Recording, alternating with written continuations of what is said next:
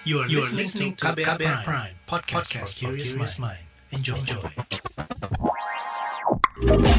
Kamu lagi dengerin What's Trending KBR Pagi.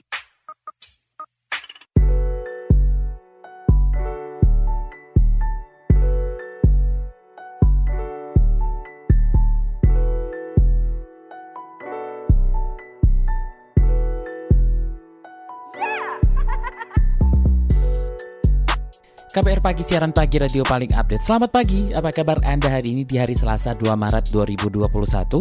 Kembali lagi saya Don Brady menemani pagi hari Anda di What's Trending KBR Pagi pastinya, yang selalu ngobrolin hal yang lagi ramai diperbincangkan.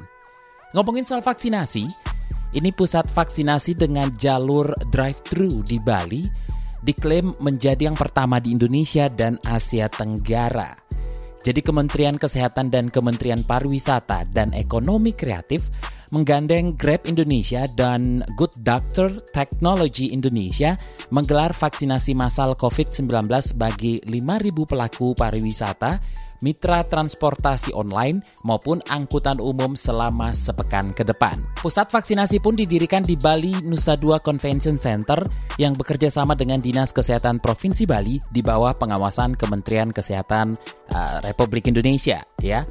Melalui kemitraan ini diharapkan semakin luas cakupan vaksinasi sehingga kekebalan kelompok atau herd immunity itu bisa segera tercapai. Dengan layanan drive-thru ini sasaran tak perlu keluar dari mobil dan pada tahap registrasi peserta hanya menyerahkan KTP untuk diverifikasi serta mengisi lembar screening. Selanjutnya kendaraan diarahkan menuju zona screening kesehatan. Pada tahap ini dilakukan pemeriksaan dasar seperti cek suhu, terus juga tekanan darah serta diberikan uh, beberapa tambahan pertanyaan. Jika dinilai layak, sasaran menuju ke area penyuntikan vaksin COVID-19. Setelah disuntik, sasaran selanjutnya menuju area observasi. Di lokasi ini telah disiagakan petugas kesehatan dan mini ICU. Apabila muncul gejala maupun reaksi tertentu, sasaran bisa memberikan peringatan dengan membunyikan klakson. Setelah observasi dan tidak muncul gejala tertentu, selanjutnya sasaran bergerak ke area pengambilan sertifikat dan selanjutnya menunggu penyuntikan tahap kedua di 14 hari mendatang. Jadi penyelenggara memastikan seluruh proses vaksinasi dilaksanakan dengan menerapkan protokol kesehatan ketat. Seperti apa sih drive-thru ya vaksinasi pertama di Indonesia ini? Ini yang akan kita obrolkan pagi ini. Tapi sebelumnya kita dengarkan dulu opini warganet plus 62 berikut ini.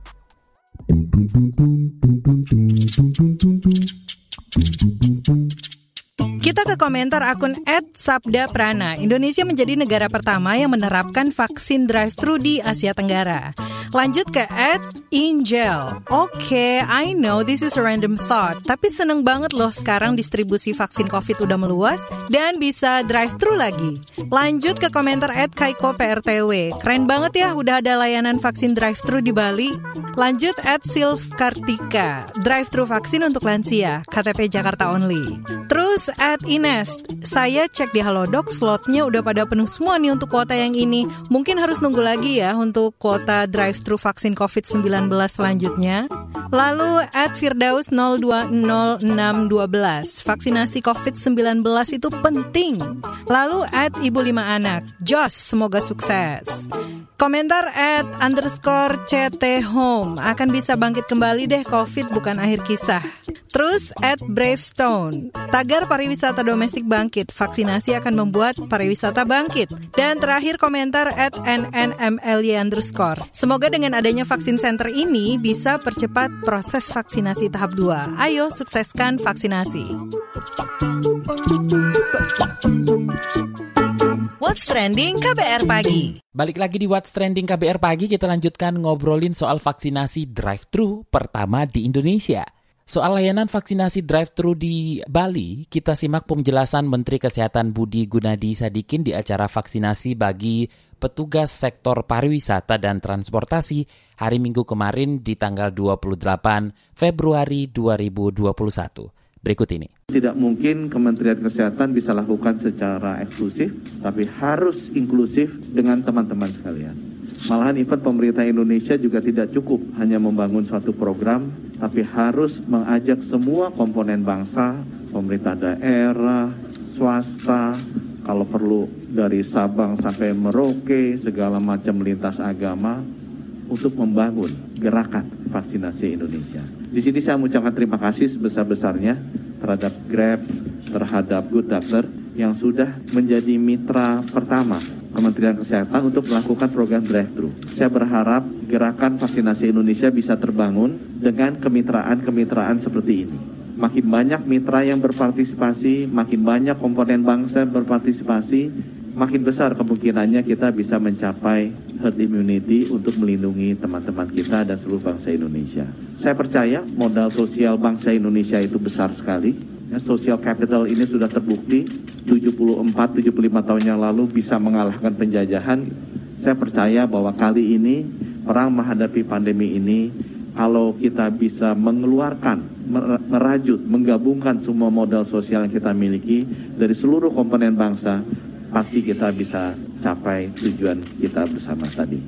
Bangkitlah atau sehatlah Bali, karena sehatnya Bali akan menentukan sehatnya Indonesia, dan semoga bangkitlah ekonomi Bali, karena itu akan membangkitkan juga ekonomi Indonesia. Nah, pada kesempatan yang sama, Gubernur Bali Iwayan Koster mengimbau seluruh masyarakat termasuk pelaku sektor pariwisata berpartisipasi dalam setiap tahapan vaksinasi COVID-19 agar kekebalan kelompok bisa segera tercapai.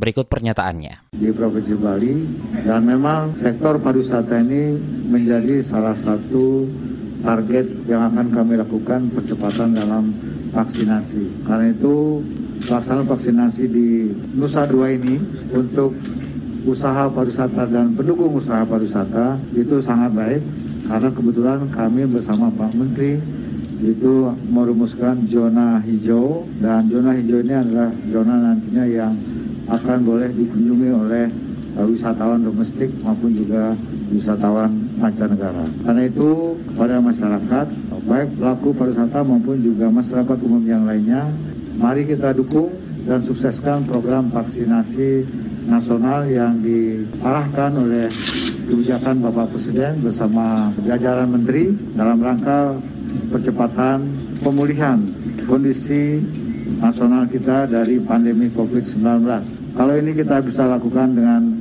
cepat sesuai dengan rencana Bapak Menteri, saya kira upaya kita bersama untuk pemulihan pariwisata di Provinsi Bali dan pemulihan perekonomian itu akan berjalan lebih cepat.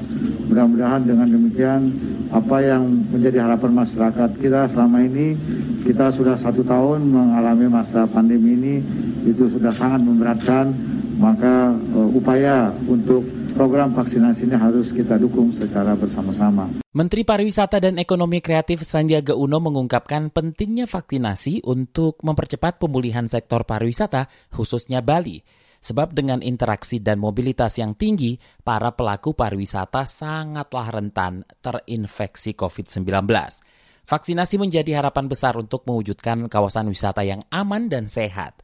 Sandiaga di acara dialog vaksinasi Datang Pariwisata Gemilang kemarin di tanggal 1 Maret itu mengungkapkan optimisme bangkitnya pariwisata Indonesia dengan adanya program vaksinasi yang menyasar pada pelaku usaha pariwisata. Berikut pernyataannya. Kita lebih cepat di, daripada tetangga-tetangga kita di ASEAN. Saya betul-betul apresiasi karena ini merupakan drive-in pertama di ASEAN dan ini bentuk kolaborasi antara pemerintah, dunia usaha, dan juga masyarakat. Semoga ini menjadi bola salju ya, tekad vaksinasi kita sejuta sehari bisa kita wujudkan sehingga 365 juta rakyat Indonesia, 70% dari populasi kita kali dua, itu bisa dalam satu tahun ini mendapatkan vaksinasi. Dan memprioritaskan pariwisata di beberapa daerah ini akan memulihkan sektor yang membuka lapangan kerja bagi 34 juta masyarakat Indonesia. Dan saya harapkan ini bisa menggeliatkan dan memulihkan pariwisata dan ekonomi kreatif melewati masa-masa sulit pandemi ini.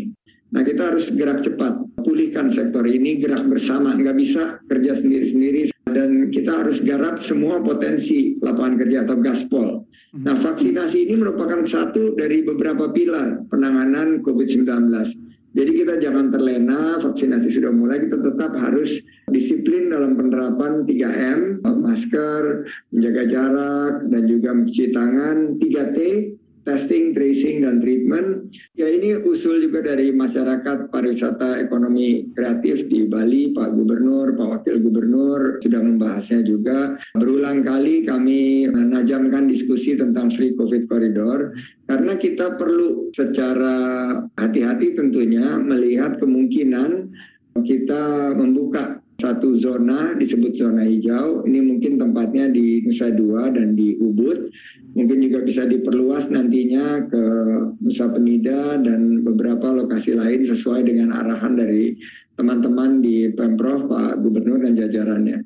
Kita ingin kita semakin bersiap seiring dengan menurunnya angka penularan COVID-19 di Indonesia, khususnya di Bali kita menggagas agar daerah-daerah zona hijau ini bisa mulai dibuka pariwisata untuk beberapa negara seperti China, Singapura, Tiongkok, negara-negara lain. What's trending KBR pagi? Newsbeat. Amerika Serikat memberikan izin penggunaan darurat vaksin Johnson Johnson. Food and Drug Administration atau FDA mengeluarkan izin darurat bagi vaksin COVID-19 yang hanya memerlukan satu dosis ini karena dianggap memberikan perlindungan kuat terhadap penyakit serius, rawat inap, dan kematian. Direktur Food and Drug Administration atau FDA Janet Woodcook mengatakan, pentingnya memperluas ketersediaan vaksin sebagai cara pencegahan COVID-19 terbaik saat ini. Vaksin Johnson Johnson hanya memerlukan satu kali suntikan. Uji coba vaksin J&J sendiri melibatkan 44.000 orang, di mana vaksin efektif terhadap 66% mencegah COVID-19 sedang hingga parah. Vaksin ini juga 100% efektif mencegah rawat inap dan kematian akibat COVID-19, sedangkan efek samping seriusnya diklaim hanya sedikit. Iran akan menggelar pemilihan presiden pada 18 Juni mendatang. Kementerian Dalam Negeri Iran mengungkapkan Dewan Garda akan menyaring para kandidat yang mendaftarkan diri. Selain pemilihan presiden, Iran pun akan melakukan pemilihan kepala daerah dan anggota majelis pakar yang dapat mengangkat dan memberhentikan pejabat di Iran pada tahun ini. Di mana pembukaan pendaftaran bakal capres dimulai dari 11 sampai 15 Mei 2021 dan pembukaan calon kepala daerah dimulai pada 10 Maret mendatang. Bruno Mars dan rapper Anderson Paak bakal merilis album kolaborasi mereka pada 5 Maret mendatang. Melalui media sosialnya, Bruno Mars mengatakan pihaknya melakukan isolasi dan membuat sebuah album. Album An Evening with Silk Sonic ini turut menggandeng Bootsy Collins. Album ini pun menjawab kerinduan dan pertanyaan penggemarnya setelah terakhir kali Bruno Mars merilis album pada 2016 lalu. Album tersebut sukses terjual hingga 5 juta kopi di seluruh dunia dan berhasil memenangkan piala Grammy Awards.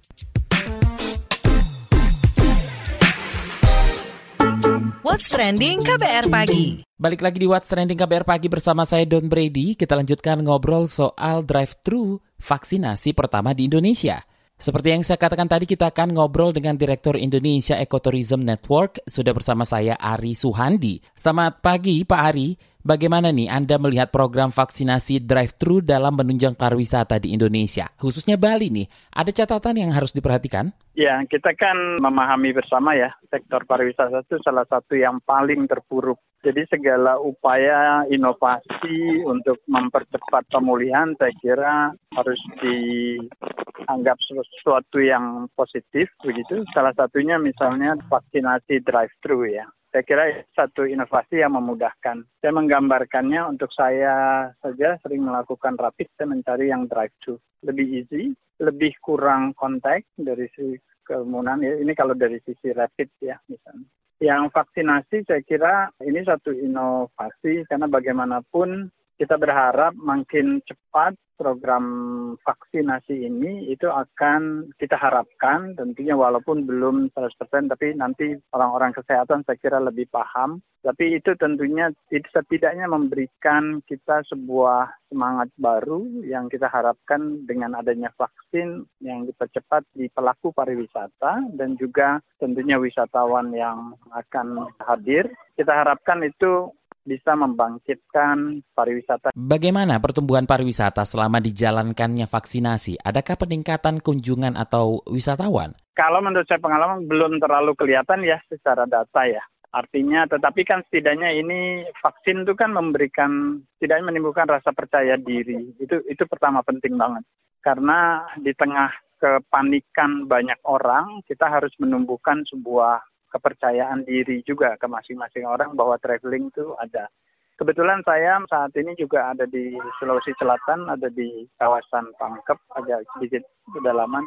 Kalau kita lihat fenomena yang saya kebetulan berjalan banyak di daerah-daerah lain, kita lihat sebetulnya pariwisata domestik lokal itu masih berjalan relatif cukup baik gitu ya. Jadi masih masih bergulir walaupun skalanya memang masih kecil. Skalanya masih kecil banget. Namun itu sudah mendorong kalau dari wawancara saya dengan banyak masyarakat yang terlibat, tidaknya mereka sudah merasakan ada peningkatan. Walaupun at least di weekend begitu khususnya untuk yang wisatawan domestik. Tapi kalau dihubungkan dengan vaksin, saya saya belum bisa melihat karena kan vaksin selama ini masih di batas belum menyeluruh ya baru sampai level, kalau di Jakarta itu level lansia dan itu belum ke ke yang potensial sebagai turis begitu.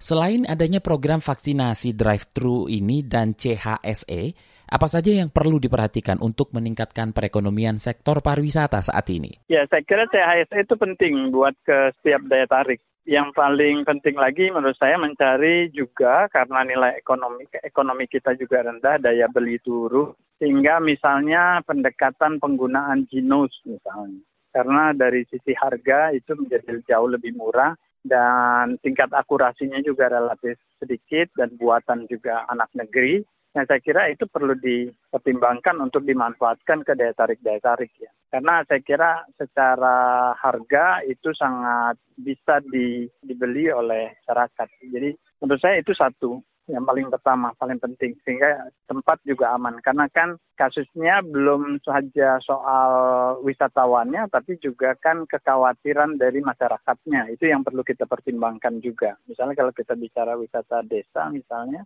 itu juga kekhawatiran dari yang mengelola daya tarik itu sendiri. Sehingga nih dua belah pihak harus uh, merasa punya kepercayaan diri bahwa itu aman gitu. CHSE khususnya untuk penggunaan masker itu menurut saya tidak bisa di, ditolerir walaupun vaksin masuk saya menurut saya itu masih harus tetap dijalankan untuk masker itu paling minimal dan cuci tangan ya itu yang paling minimal harus terlalu ketat ketat terus di diingatkan dan dijalankan. Di beberapa tempat, saya lihat ada kerjasama desa dengan daya tarik dan juga pihak kepolisian. Di beberapa ini yang saya lihat, sehingga setiap orang yang ingin masuk itu sudah ada himbauan. Nah, jadi itu saya kira mulai terbiasa tuh wisatawan lokal kami lihat juga kebetulan saya nih dalam dua minggu ini berkeliling ke Sulut, Sulsel untuk melihat langsung di khususnya yang di berbasis masyarakat ya. Nah, bagaimana rekomendasi Anda nih Pak? Ya, yang pariwisatanya khusus saya kira tetap Kementerian Pariwisata Pak Menteri, Pak Sandiaga Uno saya kira sudah sangat baik motonya. Yang pertama fokus di domestik, itu yang paling pertama saya kira domestik yang akan membantu kita banyak. Kemudian kalau kita bicara di daya tarik komunitas misalnya per kabupaten, kabupaten mencari inovatif kalau saya selalu di dengan misalnya kemarin dengan kepala dinas kita himbaunya genjot yang ada di level kabupaten. Karena yang kedua kalau yang punya daerah-daerah yang punya terhubung dengan kota besarnya sebagai pintu masuk dengan jalan darat begitu itu adalah opportunity-nya cukup besar saya kira. Sekarang jalan darat itu menjadi pilihan juga banyak orang ya. Jadi island base sama uh, kabupaten base kemudian island base berpikirnya kalau Jawa ya traveling along Jawa gitu. Kalau di Sulawesi ya antar antar kabupaten di Sulawesi begitu. Itu menjadi rekomendasi yang penting. Itu dari sisi pariwisata ya domestik. Ekonomi kreatif saya kira ini peluang yang bagus banget buat membangkitkan para UMKM karena misalnya kayak kami selama dari masa pandemi ini beralih kuat membangun semua mengajarkan teman-teman untuk meningkatkan kualitas dari sisi produk-produk barang jadi ya. Apa pun itu baik itu kuliner makanan kemudian juga barang-barang yang bisa dititipkan yang kemudian bisa juga kita kuatkan mereka dari sisi story-nya kemudian packaging yang memberikan nilai tambah yang kemudian bisa juga mengajarkan sampai penjualan uh, online-nya. Saya kira itu yang paling realistis dan kami cek nih, kami praktekkan. Jadi kami sudah membuat selama pandemi aja di Sulsel kita ada dua kreatif hub untuk produk. Kemudian di Jawa Timur ada satu dan itu skalanya sudah cukup besar. Jadi bangunkan anak-anak muda. Jadi kita juga menghubungkan antara rumah-rumah produksi dengan anak-anak muda sebagai channel untuk membantu marketing. Terima kasih Direktur Indonesia Ecotourism Network Ari Suhandi. What's trending KBR pagi? Commercial break. Commercial break. Suatu hari, virus berkumpul dan mulai kebingungan. Duh, bingung. Mau nyari mangsa ke mana lagi ya? Iya nih, semua orang pada pakai masker. Aku ada ide. Kita nongkrong di rumah makan aja gimana? Ngeliatin orang-orang yang lengah nggak pakai masker? Wah, ide yang bagus. Seru.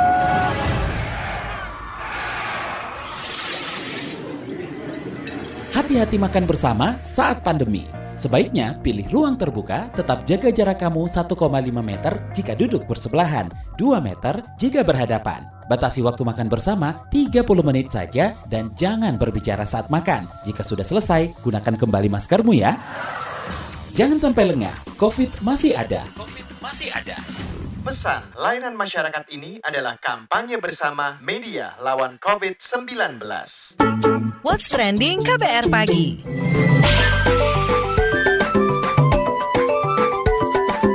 WhatsApp Indonesia.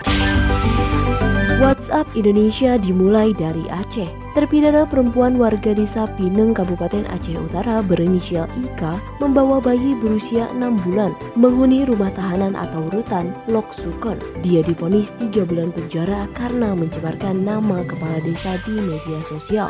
Kepala Kantor Wilayah Kementerian Hukum dan HAM atau Kanwil Kemenkumham Aceh, Heni Yuwono Isma membawa bayinya karena masih memerlukan air susu ibu. Kata Heni, sel penjara rutan punya fasilitas khusus untuk narapidana atau tahanan perempuan, termasuk bila mereka membawa bayi. Sebelumnya, Bahtiar, kepala desa setempat melaporkan Ika atas pencemaran namanya karena mengunggah video di media sosial. Terpidana kasus Undang-Undang Informasi dan Transaksi Elektronik itu mengunggah video 30-an detik kepala desa yang tengah ribut dengan warganya. Selanjutnya menuju Papua. Tenaga kesehatan atau nakes yang bertugas pada tiga kabupaten di Papua belum divaksin COVID-19. Penyebabnya daerah itu belum memiliki petugas vaksinator.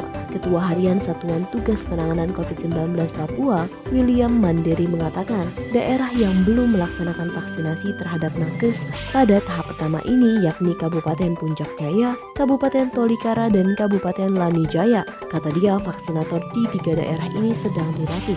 Rencana pelaksanaannya vaksinasi terhadap nakes dilakukan pada awal Maret ini. Satgas mendorong semua kabupaten atau kota di wilayahnya segera merampungkan vaksinasi tahap awal terhadap para nakes sebelum pemberian vaksinasi tahap kedua dilaksanakan pada Maret 2021.